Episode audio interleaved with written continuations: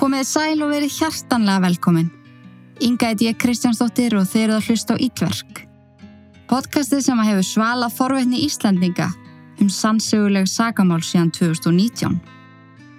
Annars vona ég að þið séu að hafa það ótrúlega gott og séu glöð og kátt og mér langar að þakka ykkur bara alveg sérstaklega fyrir geggjaðar viðtökur við yfirferð minni af þessu máli, Johnny Depp vs. Amber Heard. Ég er ekkit eðlilega þakklátt með hvað þið voruð ána með þetta og er búin að fá mikið af frósum og alls konar skilabóðum, þannig að takk fyrir það.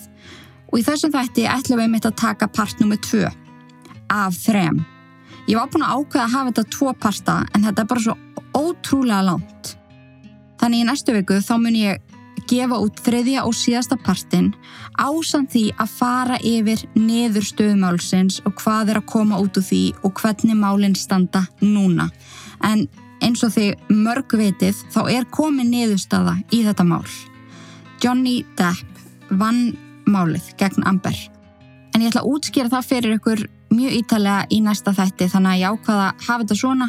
Þannig að ég vil ekki kæfi ykkur í upplýsingum því að þetta er alveg rosalega mikið efni. Mér finnst ég vera bara stanslust með munræpu sem er svolítið málið. En þið getið auðvitað ef að þið eru bara nei, ég vil heyra þetta allt núna þá getið auðvitað skráð ykkur áskrift og heyrt alla hlutana í einum rekk, þetta er ykkur þrýr klukkutímar.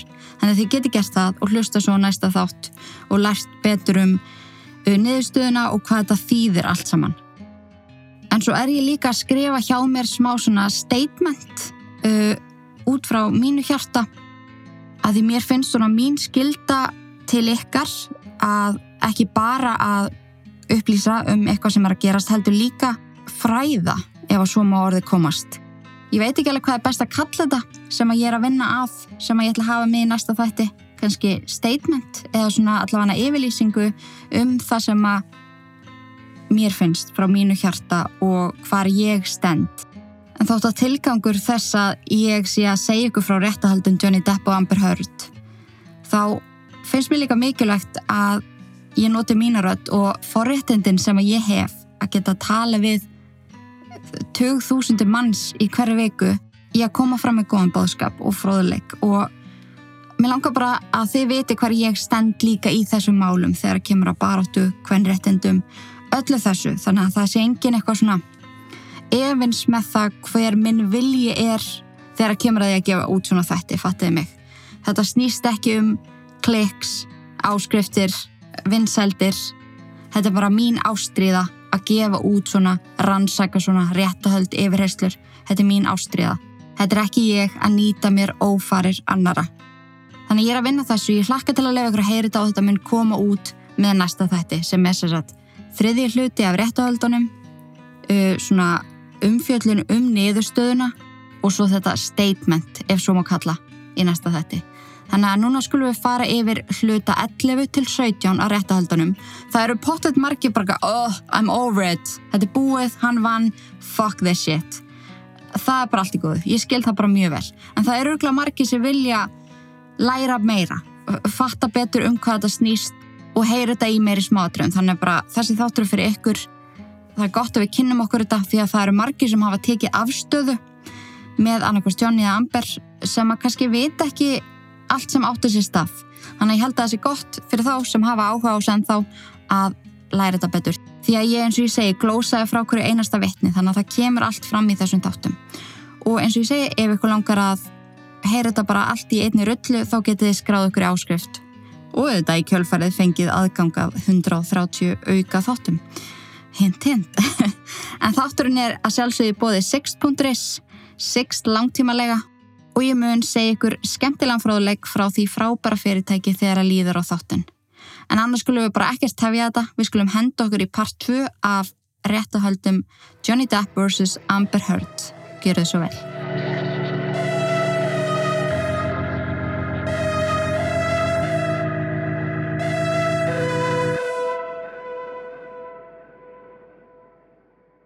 Dagur 11 hefst með vittnesspurði frá einum af framkvæmdastjórum ACLU sem er bandareist góðgerðarsamfélag og svona kvennréttenda baráttur samfélag sem var stopna árið 1920.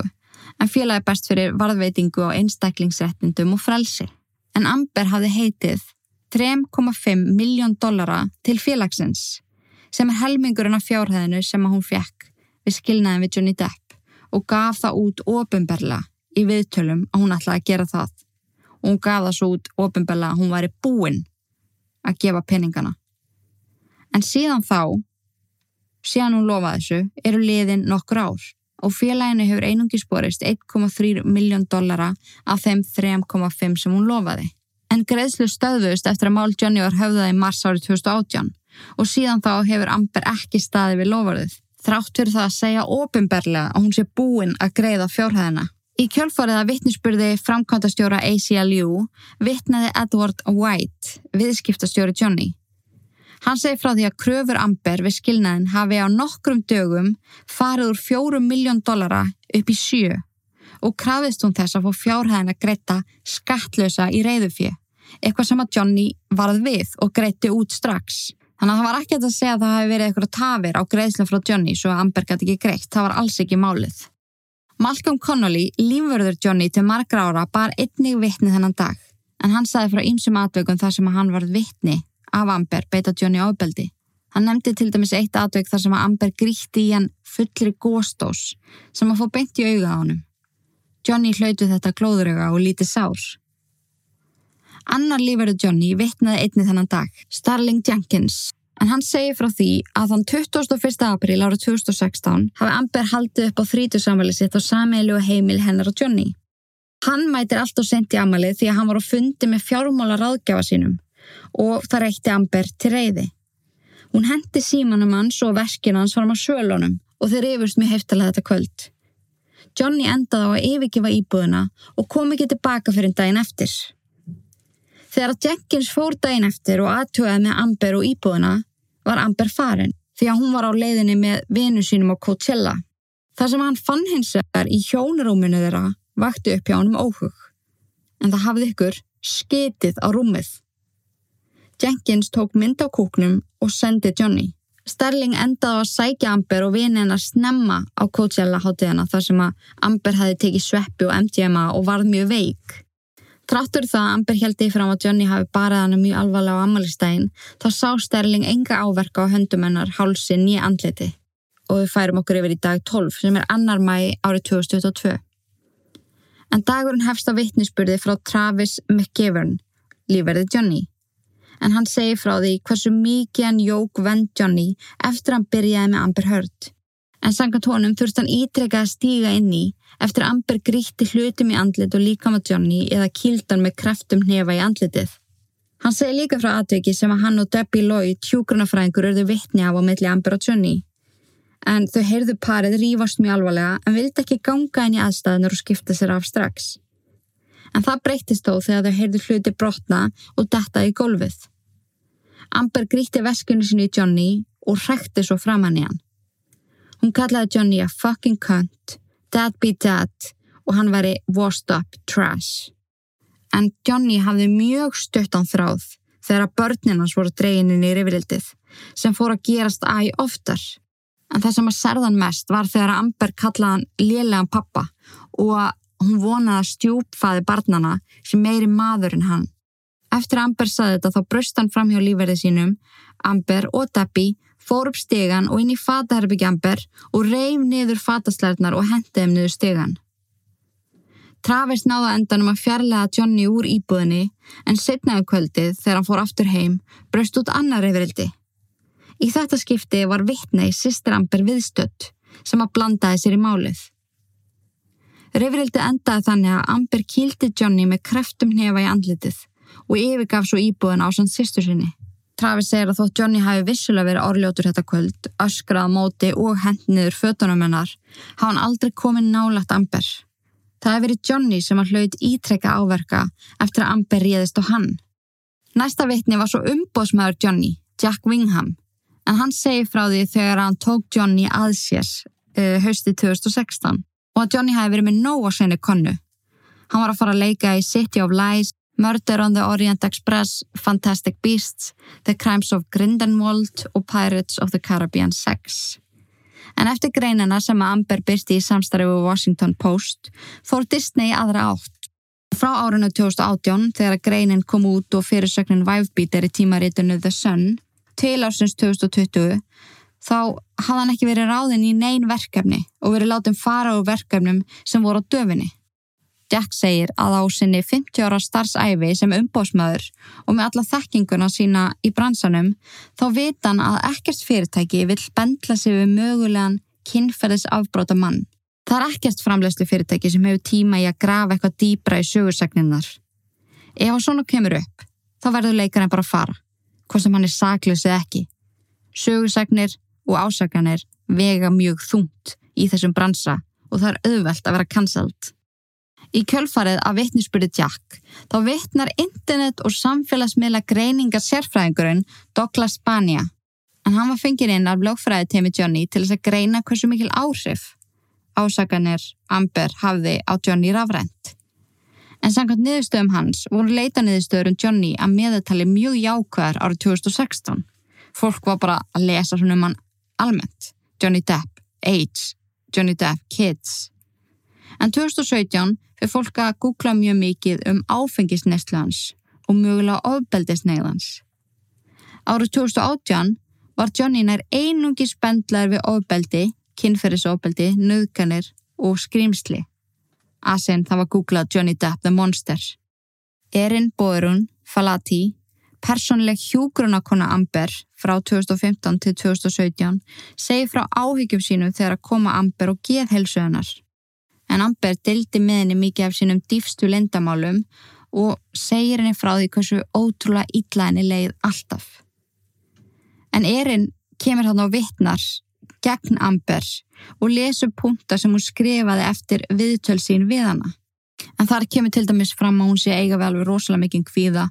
Hún var eftir hann að notast mikið við fíknefni og drikkin er dæglega tvær flöskur á rauðvinni. Hún segni líka að hún hafa á ákveðinu tíumpunkti þjáðust af alvarlegri ádröskun aðteglisbrest, bipolar, codependency issues og langvarandi svefleysi. Amber deldiði líka með henni að stundum upplifði hún rosalega reyðikost þar sem hún réð ekki við tilfinningar sínar eða hvað hún sagði að gerði. Hún upplifði líka mikla öfund og óryggi þegar að koma Johnny og þóldi ekki tilhugsununa um að vera í burtu frá honum. Erin segir einni frá aðtöki sem átti sér stað 17. desember árið 2015 en hún kom við á heimil Amber að hennar ósk með lif fyrir hana. Amber var í virkilega slæm ástandi. Eldröði framann með sára vörunni og greitt stanslust. Amber segir erinn að Johnny hefði barið hana. Rifið stóran hárlokk úr henni og skalla hana beint í andlitið. Svo að vörun sprakk og kinnbeinið hægra megin varðist. Erinn skoðaði Amber en tók ekki eftir neinum sjáanlegum áverkum nema sárin og vörunni. En síðar um kvöldi fekk hún myndir sendra af Amber og á þeim myndum var andlitina raukt, bólkið og marið. En þetta kvöld var Amber með vinu sínum Rocky og Ayo, en það var Ayo sem að ringdi á laurugluna eftir mynd ofbeldi. Þá eru við komin á dag 13 sem er 3. mæi 2022. En sá dagur hefst með vittnisspurði frá klínískum sálfræng, Dr. Dawn Hughes en hún hafði nokkru áður greint Amber með PTSD. Dr. Dan segir frá prófunum sínum á Amber og ekkert þeirra hafi sínt fram á það að hún íki einkenni sín eins og Dr. Curry sagði. Amber hafi sótt salfræði þjónustu reglulega frá árinu 2012 og enginn þeirra hafi greint hana með persónleikaröskun, ekki einu sinni minsta einkenni þess. En með þessu þá grefur hún undan vittnisspurði Dr. Shannon Curry sem að starfar á nákvæmlega sama sviði og hún ásandi að vera með hennar sama reynslutíma. Vittnisspurður þeirra er algjörlega svart og hvitt. Dr. Dan segir Amber vera með mjög skýrmerki PTSD eða áfallastrætur öskun. Hún raukstöðu það með niðurstöðun sínum úr rannsóknum sem hún gerði. Hún tekur það sérstaklega fram að Amber íki ekki á nokkund hátt einkenni sín og hún ítrekkar að hafa ekki komist að þeirri niðurstöða að Amber væri með persónleika raskanir. Hún segir svo frá skrifin sínum frá tímum sem að hún eitti með Amber en í þeim fer hún yfir þær upplýsingar að Johnny hefði ítrekkað sleiðana, hendlutum í hana og þarna kemur upp kynferðslega ofbeldið. En samkvæmt Amber hafði Johnny ítrekkað nöðgæðinni, stungið hlutum í laugönganar og stungið fingrunum harkala inn í laugönganar. En þessi skipti sem að Johnny beitir Amber kynferðslu og líkamlu ofbeldi er alltaf eftir hann ymbirði áfengi og fiknefni sem að samkvæmt Dr. Hughes sannar hversu mikil breyting verður á Johnny þegar hann er í nöstlu. Og þetta er eitthvað sem að Amber á að hafa sagt henni í tímonu sem að það er eittu, eittu saman. En hún talar einnig um það að reyfrildin hafi ofta tíðum enda þannig að Johnny hendir Amber á rúmið og reynir að nöðgani. En gata ekki vegna líkamslegs ástandans og það að hann hafi ekki náða að fá holdris var svo Amber að kenna. Þá hafa hann kallað hann að ljóta, óheillandi og feita. Það kemur einnig fram í skrifum hennar að Johnny hafi allt þeirra samband verið mjög afbreyðsamur. Hann þóldi ekki ef að Amber klætti sér í flegin eða þraungföt og setti ítrykka út á klæðaburðanar ásandi að vilja að hún myndi hætta að vinna því að hann þóldi ekki aðteglina sem að hún var að fá, sagkvæmt Amber. En draumur Amber var að leiki í kvikmyndum og Johnny vildi það ekki. Hann tristi því ekki En samkvæmt Amber þá ringd hann ítrekkað í leikstjóra og aðtugaði hverjum Amber var að leika á móti. Hvort það væru nektaratriði eða kynlífsinnur sem að Johnny tók ekki mál að hún var í partur af. Hann mætti líka ofta á upptökustadi og fyldist með eitthvað sem Amber þótti mjög óþægilegt og hún segir að það hefði gert hana mjög hrætta. En samkvæmt Amber þá kallaði Johnny hana hóru, akant, faras og hafi markvist reynda niðurlægana og okninni og oft fyrir framann aðra. Dr. Hughes er einni frá því að í tveim af fjórum tímum sem hún hitti Johnny og Amber saman, sérst, hérna, hún hitti þau fjóru sinum og tveim af þeim skiptum, þá hafi Johnny rókið út úr sjálfræðitímanum því að hún líka ekki hvað var að fara fram, hvað Amber var að segja. En samkvæmt Dr. Hughes eru öll andli veikindi Amber bein afleðing að sambandi hennar við Johnny. Óttuð megi líf, paranoia, kvíði, áróttuhægðun og fleira sem að var til út af hræðilegar misnótkunar andlega, líkamlega og kynferðislega, allt þeirra samband. Og mér fannst þetta, mér fannst alveg sérstaklega áhugaverst allt sem að Dr. Hughes saði og svo allt sem að Dr. Curry saði. Og ég skoða alveg sérstaklega fjölmiðla og alls konar skoðanir fólks þegar að koma þessum tveimur sérfræðingum í sálfræði sem hafði þarna stíðið fram og þótt að við vissilega komið mikið af áhugaverðum hlutum upp að þessu sem að er verðt að skoða þá er þetta klála mitt áhuga svið og mér þótt alveg magnað hvernig tveir einstaklingar og nákvæmlega sama einhvern veginn stað í lífinu í sama fæi sem að fara til nákvæmlega sama kerfi þegar þau eru að læra og einmitt eru að vinna báðar með þessi í LA Hvernig geta þær komist að svona ólíkum niðurstöðum? Ég bara, ég skilða ekki. Það er bókstæðilega ekkert sem að það eru samtaka með, ekki neitt. Og ég fekk strax svona óbræði munnin, bara wow, er önnukor þeirra, eða báðar, að ljúa í vitnapultinu, sem að auðvitað varða við lög. Um, það hlýtur eiginlega að vera að eins ég að beigja sannleikan til þess að hendi betur af því að þetta bara getur ekki verið. En það er í alveg spurning, ég pældi oft í því í þessum réttahaldum bara, er í alveg hægt að fá fólk til að segja hvað sem er í vittnispúltinu ef þú greiði þeim náðu mikið fyrir það? Er það bara í alveg þannig? Þannig, það er spurning, sko.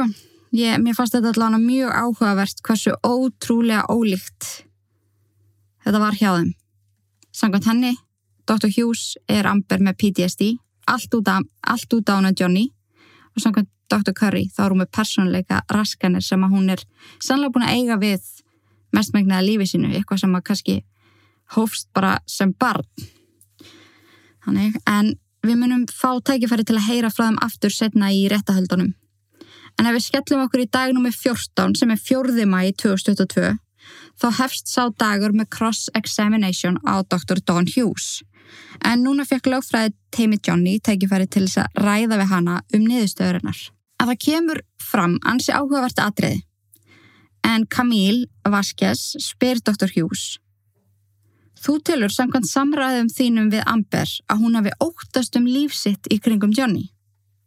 Hún hafi alveg trú á því að hann myndi á endanum ganga svo langt að hann dræpa hana. Hún spurði hana þessu bara blákvalt og Dr. Hughes svaraði játandi. Amber hafi sínt fram á mikið nótta og kvíða þegar að koma Johnny. Og Kamil spyr hana þá. Hvernig stendur á því að kona sem óttast um lífsitt gefi ofbeldisnegðum fíknefnarsjúkum eigimanni sínum hníf í amaliskjöf sem að hún hefði látið grafa í á spænsku þar til dauðin aðskilur okkur. Kamil bætur svo við. Hvernig getur manneskja sem að óttast um lífsitt sem að þjáist af alvarlegu PTSD en eins og þau viti þá getur PTSD verið lamandi og meða við prófin sem að voru tekin á Amber þá skoraði hann bara herra en hermaður sem er nýkomin úr stríði. Hvernig getur manneskja sem að þjáist af svona miklu PTSD leiki í kvikmyndinni Aquaman sem að krafðist gríðala mikillar erfiðisvinnu og alveg upp dóttu sín á sama tíma leita hún sér ekki salfræðilegar aðstöðar á meðan þetta allt stóð yfir. Þá segir Dr. Hughes að aðilar fari oft í svona survival mode og nái að sinna sínu eðlilega lífi þrátt fyrir öll enginni sín. Camille bæði svo við. Hvernig standur á því að PTSD-prófið sem að Amber tók er ekki útfyllt 100%? Af hverju vantar sumstæðar í prófið? Af hverju eru ekki alla niðurstöðu byrstar? en Camille vildi meina að Dr. Hughes hafi ekki farið löglega leiðaði að greina Amber og það vanti verið upp á gögnin og ég mun einmitt fara um, betri yfir það á eftir en það er staðrænt og það vantaði í gögnin og það er sund sem hann glimti eða slefti bara að fylla inn. En Dr. Hughes gat ekki veitnein sérstök svör við þessum spurningum en hún ídregaði hversu mikla reynslu hún hafði og allt sem að kemur fram í rannsóknum hennar sé eftir lögum og reglu sem er hægt að dýbanka en ég ætla ekki að fara til það, ég ætla að lesa fyrir okkur eftir það sem er sagt um þetta mat hennar. En eftir vittnisspögurð uh, Dr. Hughes koma vittninu sem að allir höfðu beð eftir. Allavega ég, ég var mjög spennt fyrir þessu. En Amber sjálf settist í vittnapúltið. Og mér langar að taka það fram ok, áður ég teka þetta fram þá langar maður að segja, Amber Heard er ekkit eðlilega falleg kona, hún er alltaf glæsilega klætt, glæsilegt hár og og hérna ég var alveg fan af henni og hún er náttúrulega celebrity crushið hjá kærastónum mínum og er búin að vera það bara síðan ég kynntist honum hann er alltaf bara Amber Heard og ég, ég já, allavega hana glæsileg kona og öruglega margt gott í henni En mér langar að taka fram að ég hef aldrei nokkuð tíman séð aðila haga þessi svona í veitnapúltinu. Mm, henni var öruglega ráðlagt að vera svona og kannski er þetta eitthvað sem að fólk á að gera. En hún horfir allan tíman á kviðdóm. Hver einasta spurning sem hún var spurðað, hún lustaði á lagfnægin og snýri sér svo að kviðdóm og svaraði. Það eru auðvitað markmiðið að sannfara kviðdóm um sagleysi sitt en ég hef bara aldrei séð þetta áður og mér fannst þetta mjög merkilegt. Ég hef aldrei séð fólk snúa sér svona og eitthvað neginn, ég veit það ekki, bara svipriðin og það var bara ótrúlega margt við vittnisspörð Amber sem að settist mjög illa í fólk. En Amber byrjar á því að segja að þessi réttahöld séu eitt af allra erfiðasta sem hún hafi nokkuð tíman þurft að gera. Hún hafi sjaldan fundi fyrir jafnmiklum sársöka og ég trúi því bara vel þetta er, þetta er viðbjörn, þetta er bara rétt að byrja þarna sko. En svo talar hún um æsku sína hvernig hún ólst upp í hestamennsku sem hún stundaði á samt föðu sínum. En í hestamennskunni hafði hún læst að sína aldrei veikleika, sína aldrei óta þetta er mjög ágafarið punktur og hún hafi læst þetta mjög ung Hún segir frá því hvernig hún kynntist Johnny við upptökur á kveikmyndinni Rum Diaries, hvernig þau kolfjalli fyrir hvort öðru og að Ástin hafi strax orðið mjög sterk.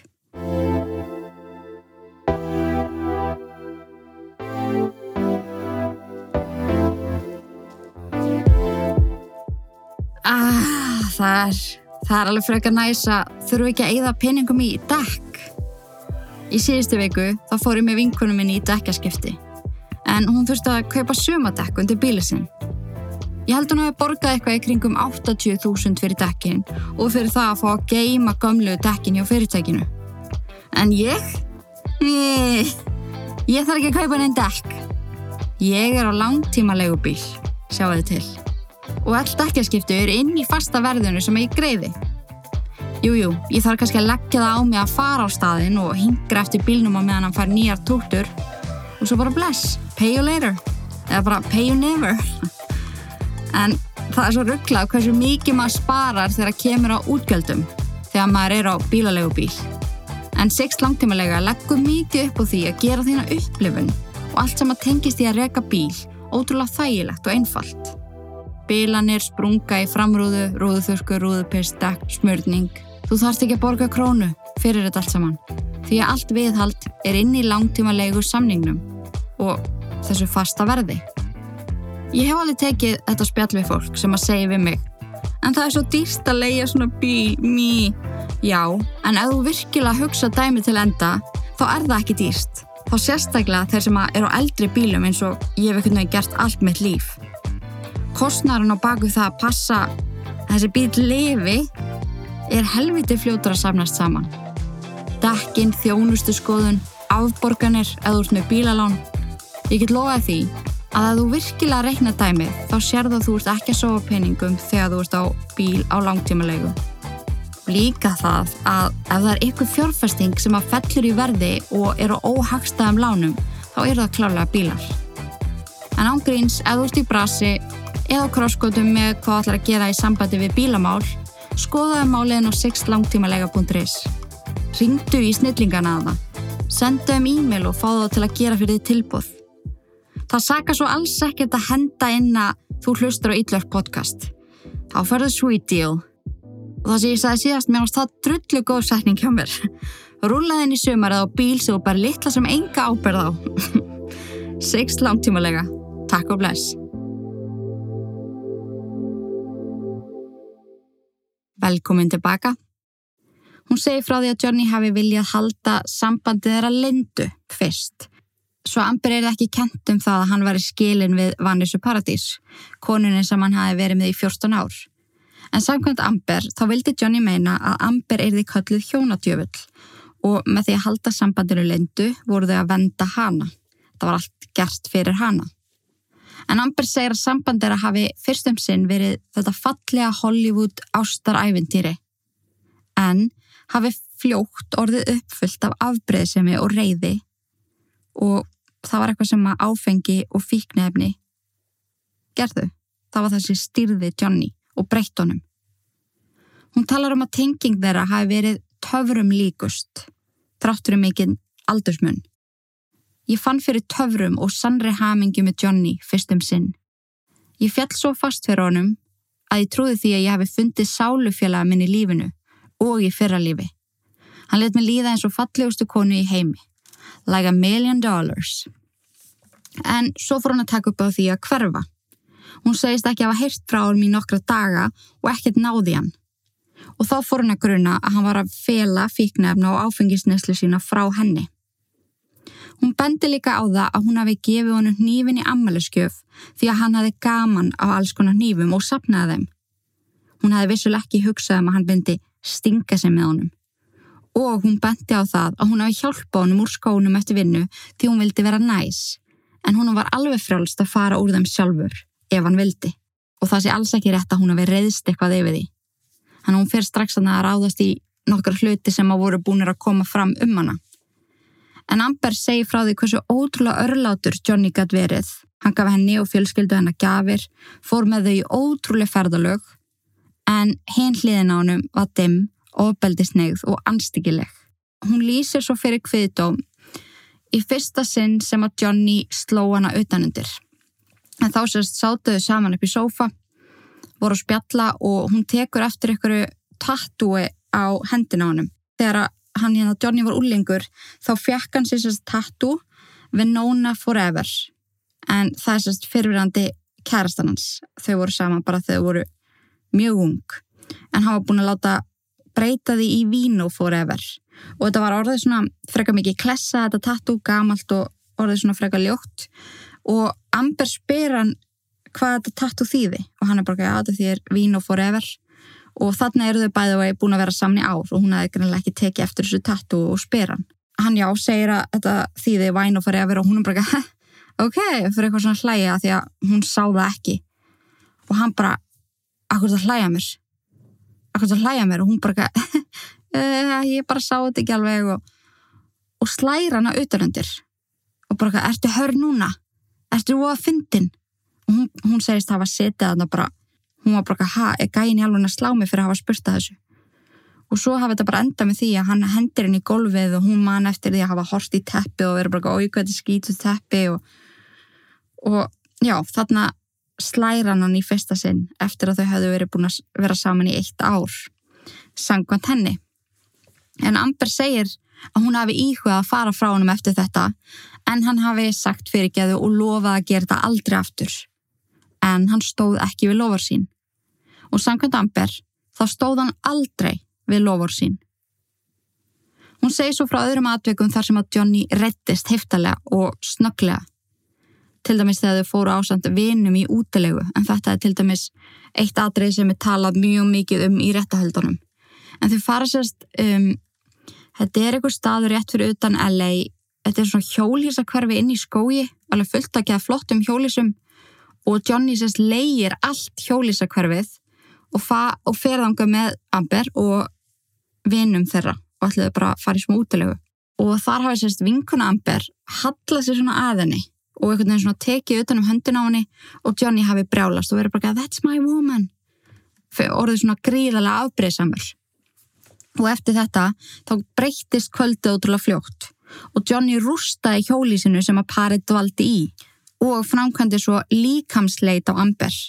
En hann tróð hendin upp í laugungin á henni því að hann var vissum að hún var að fjöla kóka hennar en þau voru sérst að taka sveppi og MDMA, MDMA allir sem að voru í Ísari útilegu.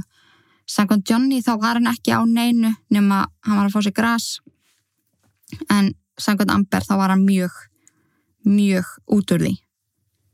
Svo segir hún líka frá fljóferð til Rúsland þar sem að Johnny krefst þessa fljófræjan sem er að vinna um borð fái sér MDMA með þeim og þegar að og fljófræjan hérna, samþykir það bæði vei og þegar hún orðin alltaf vinalega við Amber þegar hún er búin að fá sér svolítið og efnið er komið í blóðið þá hafa hann já, verið svona vinalega amber og Johnny hafi brálast og spurt fljófræðina hvort hún viti hversu mikið aflað þarf til þess að brjóta úlið. Fljófræðin hafa orðið svo hrætt að hún faldi sér inn í cockpit restina af ferðinni. Þetta var bæðu ekki eitthvað svona, þau voru ekki að fljúa með player, þannig að það var fullt af fólki, þetta var svona enga fljóvel og bara tvær fljófræðir í þessari vél. En hún létt sér hverfagreið alveg skítrættið að láta bróta sér úrlegin. Þegar þau voru svo komin til Rúslands og inn á hótelherbyggi sem þau ætlaði að dvelja á, þá hrindir Johnny Amber á rúmið og ber hana í andlitið þannig til hún fekk blóðnassir. Þannig já, það er ansi mikið og alvarlegt ofbeldið hann í gangi.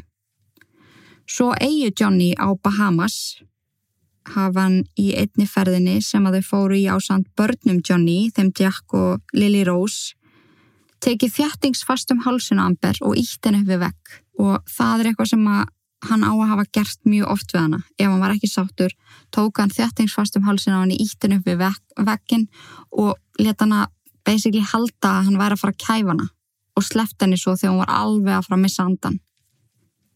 En Amber segir að hún hafi tekið á sig það hlutverk að þrýfa upp eftir hans skítin eftir drikju og fíknina nýstlu. Ásand lífverðin Johnny sem voru aldrei langt undan. En þegar ég segja þau séu að fara eitthvað saman, þá getum við alltaf reikna með því að það séu 23 lífverðir með þeim. Það bara þarf að vera þannig. Hún segir að hann hafi allt á sig ítrekkað, dáið hér og þar. Hún hafi oft miklar ágjörði að hann myndi kapna á eigin ælu þegar hann hérna ældi svona í söfni Hans, hún segir að hann hefði bara ælt mjög reglulega yfir sig allan og hún hefði oft þurft að skiptum födánum, skiptum á rúminu og hann hefði bara oft verið mjög ógeðslegur.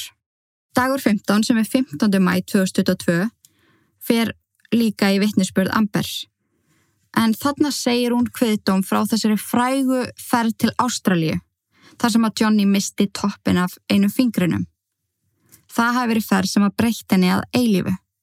Einn hræðilegasta lífsreynsla sem hún hafi nokkuð tíman upplifað. En um það leiti sem að þau fóru þangað hafðu það ekki hist í mánuð. Johnny var í tökum á Pirates 5 og Amber var í tökum á kvikmyndinni Danish Girl. Hún hafi svo flóið til Ástralíu til þess að eigða tíma með nýja eigimanni sínum en þarna voru þau ný gift. En tímið þeirra saman breyttist fljótt í marathón af ofbeldi eins og hún segi sjálf. En samkvæmt Amber var Johnny með á heilanum að Amber væri að halda við James Franco sem var að leika á mótinni í mynd. Og þessum tímapunkti í, í hérna, vitnispörðunum þá byrjar Amber að gráta þegar hún er að lýsa því sem gerðist fyrir hana. En kvöldi sem að Johnny misti fingurinn þá byrja hann á að rústa húsinu svo ítt hann henni ofan á barinn sem var staðsettur á neðstu hæðhúsins hjælt fast um hálsin á henni og tróð glerflösku upp í lægöngin á henni. Hún segist að hafa fundið greiðarlegan sásöka, ekki skrítið, þetta er ekkit, þetta hljóma hræðilega hún hefði verið sérstaklega berskjölduð því að hún var nakin þegar þetta átti sér stað. Því að Johnny var búin að rífa hana úr náttkjólunum. Og ég veldi í fyrir mér, hvar eru lífverðinni þarna? En samkvæmt öllu sem ég lesið, þá voru þeir alltaf nálagt. Vist, ef að Johnny var henni í eldhúsi þá voru þeir kannski í næsta herbyggi, þeir voru alltaf nálagt. Hvernig gerðist þetta bara? En já, Johnny var þarna búin að rífa úr náttkjölum og hún segist ekki muna nákvæmlega hvernig þessi slagsmál enduðu. Það eina sem hún mann að hún var lömuð ofta, hún var lömuð úr sásöka og Johnny hafi ítreikað hótað að drepa hana. Svo fyrir hún bara upp í rúma að sofa. Veist, það maður ekki læknis aðstöð eftir svona. Ég bara, já, þetta er svakalegt. En hún segir svo hafa, hún segir svo hafa sagt, vakna setnum nóttina, komið fram og sé Johnny með hendina að vapna inn í sárabendi. Og þá hafa hann sagt til hann að sjáu hvað hún gerði við mig. Og þá viss hún ekki að það væri búið að skera fing, eða fingurinn hafi dottið af, eða sko, hérna skorist af, þá viss hún það ekki, hún hefði bara farið beint að sofa. En Amber hefði þá séð hversu alvarlega slasaður hann var og ætlaði að ringja á neðilínuna. Johnny bannaði henni það, tekur út á sér teppið og pissar á gólfið fyrir framann hana. Eftir að lífverðis Johnny, Dr. Kipper og Debbie Lloyd höfðu fjarlægt Johnny af heimilinu og farið með hann á sjúgrás, tók Amber eftir öllu sem að Johnny hafi skrifað á vekkina með blóði og mollingu og Amber ákveði þá að ganga um húsið og taka myndra af þessu ég bara ég veit, þetta, þetta er bara hræðilegt atvik. Þetta er ekki aðlega hræðilegt atvik. Og ég bara hugsa veist þarft í alveg ekki læknis aðstóð ef að það er búið að tróða já allavega hún segist ekki þurfa þess en hún tala líka við kviðdóm um atviki sem að hefur verið kallað The Boston Incident en það átti sér stað í flugi frá Boston til Los Angeles en Johnny leta hann ekki í friði með að hún var að halda við James Franco sem að hafi leikið á mótinni í kvikmynd. Johnny var svo reyður að hann sló hana utanundir og sparkaði baki á henni og það var fullt af fólki með þeim í þessu flugi sem að gerði ekkert og sagði ekkert. Amber segist aldrei hafi verið jafn niðurlægð á æfinni. Í desember árið 2015 fann Amber SMS í símanum hans Johnny sem að gerða hana mjög reyða en hann hafði sérst verið að SMS-ast við gamla kærustu. Þegar hún nefnir þetta við hann, trublast hann. Hann barða hann að ítreka í andlitið með kreftum nefa. Dró hann um íbúðina að hárinu, ítti hennu í baki á henni á meðan hann reyfi hárið á henni og barða hann að ítreka um allan líkamann. Amber var vissum að hún væri með heilarhisting eftir þessi árás. Hún talar um að einn á milli þessa skjálfölu árása frá Johnny hafa hann verið dásamlegus. Hann lofaði öllu fögru. Hann myndi aldrei gera svona framar og baða hana ítrekkað afsökunar. En hann sveik alltaf lofarðin og hún vissi það alveg. En hún segir að hún hafi bara verið svo ótrúlega ástfangin af honum en samt svo ótrúlega hrætt við hann sem er held ég mjög algengt hjá fórnalömpum ofbeldis. Þetta er einhvern veginn svona love-hate samband. En Amber segir að hún hafi reynd að gera allt sem hún gað til þess að vera til staða fyrir Johnny þegar hann var að detoxa á engaeginu sinni í Bahamas. Ég man ekki hvort ég var búin að segja eitthvað frá því. En hann sakar hana um að hafa gert málinn ílt verri með að vera þarna. Með því til dæmis að neitunum um liv sem hann átti að fá á meðan hann komst yfir vestahjallan. En þetta var sérst þannig að þau voru að þú veist, þegar þú veist að detoxa þá þarfst ykkur lif sem að hjálpa þér við það. Og hún var bara, neip, neip, þú veist að hætta og ferði þetta ekki. Þannig að hann var bara engjast um og bara please maður ykkur lifið mín? Hún hafi neitað honum um það. Og hún hafi stanslegt verið að ræða sambandi og aðra hluti sem að hann hafiði bara ekkert rænu til þess að ræða á þessum tímapunkti. En Amber segist að það var sárna gríðarlega þegar að Johnny sendir hana með flugi heim. Hún hafi grátið sóla ringum saman því hún reyndi alveg allt sem hún gað til þess að hjálpa honum og vati staðar þótt að hann hafi ítrekka beitt hann á ofbeldi á eiginni. Amber segir svo frá hamingjunni sem að hún uppliði þegar Johnny fór nýra hnien og baða hann um að giftast sér.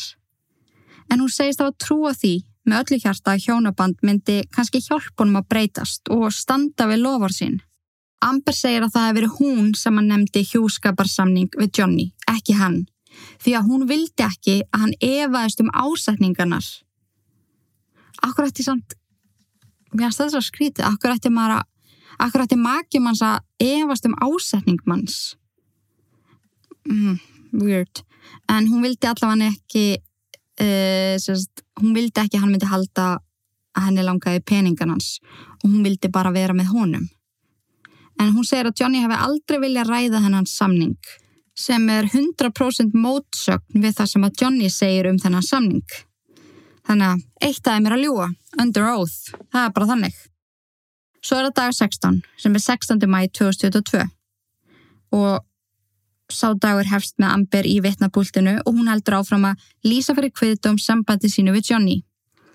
Hún segir frá því að lauruglan hafi ítrekka verið kölluð að heimilegra vegna slagsmála og hún hafi ákveðið að orðið sem þau ætti að nota sem svona the say word var í couch eða sofi en þau hafi notað það orð þegar þau vildu að reyfrildi hætti. Mm, Johnny vildi ekki kannast við þetta say word þannig að það er spurning hvað er til í því?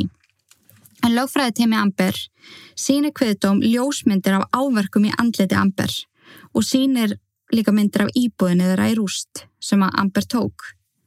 Hún segist á að tekið þessa myndir svo hún geti sínt Johnny daginn eftir þegar hann segist ekki muna hvað kom fyrir. Þrítursamali Amber, 21. mæ árið 2016 er mjög mikilvæg dagsendingi í þessi máli en parið hafði ákveðið að halda matabóða heimilegra og Johnny mætti allt og sent í amalið sem að særði Amber og eftir að gestina voru farnir þá bröst út hávaðar yfirildi á milliðra. Johnny hrind henni ítrekkaði gólfið og kastaði símanennar niður á sjölunum. Sistir Amber, Whitney, var á staðnum og einum tímapunkti voru Johnny og Whitney staðsett efst í steganum og Amber fannst Johnny alltaf að íta sýstu sinni niður stegan. Á því augnabliki laumar hún út úr sér. Ég hugsaði strax um Kate Moss og stegan. En samkvæmt Amber hafði hún heyrt sögursagnir um að Johnny hafi ítt fyrirrandi kærustu sinni, Kate Moss, niður stega. En með því að segja þetta upphátt, þá opnaði Amber á þann möguleika fyrir lögfræði teimi Johnny að kalla sjálfa Kate Moss eins sem vittni en það má sjá lögfræðinga Johnny fagna þegar Amber missir þetta út úr sér. En Amber viðkennir að hafa kýlt Johnny andlitið því að hún hjælt að hann ætlaði að drepa vittni með því að hendinni niður stega. En hún segir að eftir þetta atveik hafi verið hringt á laurugluna og þarna hafa hún ákveðið að fá nálgunabann gegn Johnny því hún ótaðist um lífsitt. En svo ræður hún um þessa frægu marbletti og förðunavörurnar sem hún notaði til þess að fjalla þá. En eftir þrítugsamaleganar var nóg að gera hjá henni vinnu en hún þurfti að hafa á sér sérstakt bruise kit, hún kallar þetta það, eða þetta er svona theater make-up make kit til þess að fjalla alltaf marblettina. Það hafi tekist vel til og eftir nálgunabannið hafi líf hennar farið upp á við. Hún var laus við eitrið sem að Johnny kom inn í lífena með. En það breytist á drastískan hátt eftir að lögfræðingu Johnny, Adam Waldman, tjáði sér ofinberlega og kallaði Amber legara. Að hún hafi unnið að þessu plani í langan tíma að klína alveglegum ásökunum á Johnny sem voru alls ekki sannar. En Amber segir að þessi ofinbera ásökun frá Adam hafi eigðilagt ferilennar og lífennar. Amber fyrir þessum tímpunkti að gráta í vitnapúltinu og segir að það eina sem hún þrái sé að vera látin í friði. Hún fá að halda áfram með lífsitt. Sambandir að hafi snúist um að hugsa um Johnny og vendan. Þegar hún hafi svo loksinn sagt stoppið hann, sagðist ekki þóla meir, Hótaði hann að segja heiminum að það væri hún sem að beitti ofbeldi en ekki hann. Og Amber segist að það var skorað á hann að gera það því að þau vissu bæði að þetta væri lígi. Amber endur svo á því að segja Ég skrifaði greinina í Washington Post því ég vildi nota röttina mína og forréttundastöðu til góðs. Ég vildi miðla minni reynslu og skora á yfirvöld að gera betur. Hún varði ekki um hann fyrir hann létið þetta snúast um sig. En svo fær löffræði teimi Johnny að cross-examina hana og Camille byrjar auðvitað á því að spila klippuna frægu þar sem að Amber segir við hann Reynd þú, Johnny Depp, að segja heiminum að þú, hvítur kalli í fjórrættundastöðu, hafi orði fyrir heimilisofbeldi. Reyndu í alveg að sannfara dómara og heiminum það. Gáðu bara hver mun trúa þér og þetta er náttúrulega fókt upp að segja þetta. En Camille spyr hana eftir að hafa spilað þessa klippu. Þú helst að enginn myndi trúa hann því hann er kallmaður, er það ekki Amber? Og Amber svara því með að segja. Þetta snýrist ekkit um það að hann veri kallmaður. Ég trúðu bara ekki að hann myndi halda svo fram vitandi allt sem hann hefur gert mér í okkar sambandi. Camille bendi svo á að Johnny hafi staði við lofur sitt um að líta aldrei í augu Amber framar. En hann sæði það við hann á þeirra síðast að fundi í San Francisco og hann ætlaði aldrei að horfa aftur í augun á henni. En Johnny leita ekki upp á borðinu allan tíman sem að Amber vittnaði. Ég veit, hann segist ekki geta hort á mig. Hann getur það ekki því hann er segur. Og Camille dregur þá upp mynda Amber sem er tekinn dægin eftir að Johnny á að hafa broti á henni nefið. Ég sé enga áverka á þessari mynd, segir Kamil. Amber svarar og segist hafa nota krem sem að hjálpar bolgum að hjaðna hún hafi falið áverkana með förðun. Hún dró einni upp mynd af Amber á Met Gala þar sem hún klættist kjól sem var opinn í bakið. Það sást engir áverkar, þráttur það að Johnny hafi sparkað í bakið á henni. Kamil spyr hana. Það eru til myndir af því sama dag og dagana eftir að Johnny beittiði ofbeldi. Akkur eru engir áverkar á þessum myndum og af hverju er ekki til neinar læknarskíslur? En Amber segist ekki hafa þurfa að fara til læknis og hafi heldur ekki viljað það. En þegar að Johnny stakk lerflösku upp í leið á þér. Þú talar um alvarlega áverka. Fannst þér þú ekki þurfa að fara til læknis? Eða ræða þetta við David Kipper eða Debbie Lloyd sem að voru með ykkur alla ferðina? Amber segir aftur að hún hafa ekki þurft þess og ekki viljað það. Camille vil líka meina að mikið af myndunum sem að Amber létt lögfræði teimi sitt hafa séu síðsettar. Eins og til dæmis mynd sem hún tóka eldursporðinu heima hjá þeim þar sem að mátti sjá fjórar línur af kókaini og krukku fulla af kókaini. Camille segir að það sé ólíklegt að Johnny hafi raðað upp fjórum línum, sett síkarettu í hreinan oskubakka án þess að kveika eini, held sér í fullt glasa bjór og farið svo bara hún sé vissum að myndi sér sviðsett. En Amber þver tekur fyrir það. En Camille kemur svo inn á öll skiptin sem hún gráðbað Johnny um að koma tilbaka eftir rifrildi. Öll skiptin sem hún eldan á milli herbyggja þegar hann reyndi að fjarlæga sig úr aðstæðum og fundin sem hún vildi með honum í San Francisco. Amber bær ekki merki konur sem að ótaðist um lífsitt. En það var það hún sem að beitti Johnny á uppeldi í sambandinu. Það var hún sem að kildi, sló og ítti.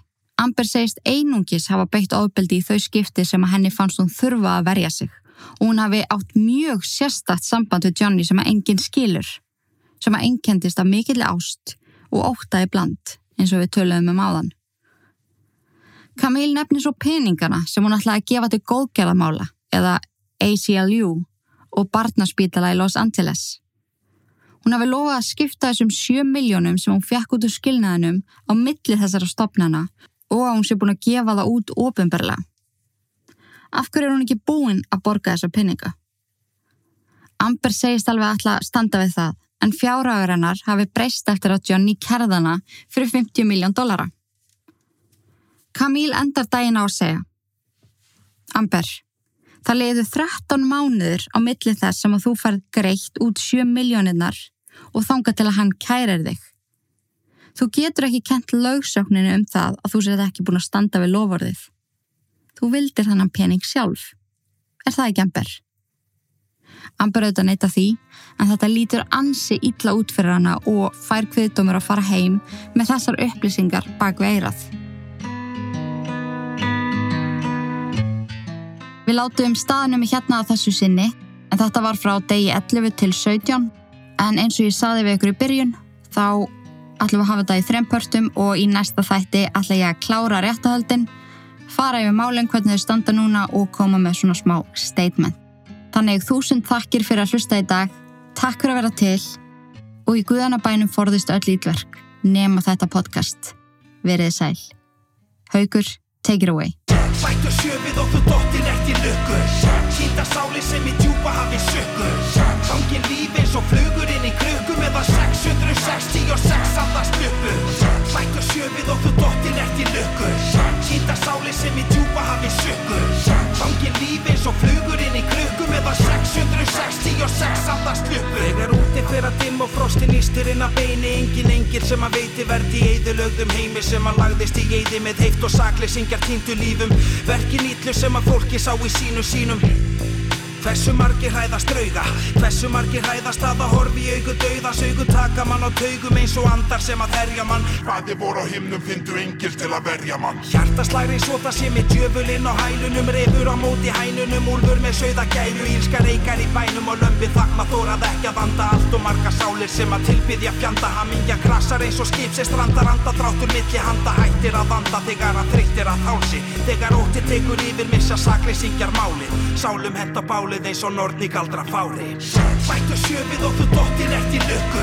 Sýnda sáli sem í djúpa hafi sökku Gangin líf eins og flugur inn í krukku Meðan 666 andast uppu Sættu sjöfið og þú dottir eftir lukku. Sýnda sáli sem í djúpa hafi sökku Gangin líf eins og flugur inn í krukku Meðan 666 andast uppu Er það reyði sem að geri megin Skeppnuskapur eins og grimmir hundar sem að naga bein Og rifur inn í hænsna kofa hænur sofa. Svefninum langa þegar að andar koma. Þegar illir andar taka yfir liði fyrir yfirlið ef ljósið andar fara fyrir. Flesti kjósa fá að halda friði liðið í þar um og missi trúna sem það liði fyrir Flesti standa eftir og stara bara hefndi sjúkum hug eins og hjá blóðþyrstum talíbana Þau þurfa að byggja fyrir sálum sínum. Eins og fíkil sem er háður vímu þjáður er í sálum sínum. Byður um það eitt að hlusta sé á alla bænir sínar. Engið hefur grýtt að vegi alla fokkin æfi sína. Við skulum kveikja nokkru kertum á. Viltu fá að sjá 666 vandamál? Sættu sjöfið og þú dottir eftir lukku. Sýnda sáli sem í djúpa hafi sökku Gangin líf eins og flugur nema 666 allast hljöpu Hlættu sjöfið og þú dottir eftir lukku. Týta sáli sem í djúpa hafi sökku Hangi lífi eins og flugur inn í krukku meðan 666 allast hljöpu Býðum í andartak, andarprátur, andarpar Í andarklassi skilji andar eftir andapar Býðum í andartak, andarprátur, andarpar Í andarklassi skilji andar eftir andapar Býðum í andartak, andarprátur, andarpar kassi skilji andar eftir handafar Býðum í andartak, andadráttur andvarpar. Í andaglassi skilji andar eftir handafar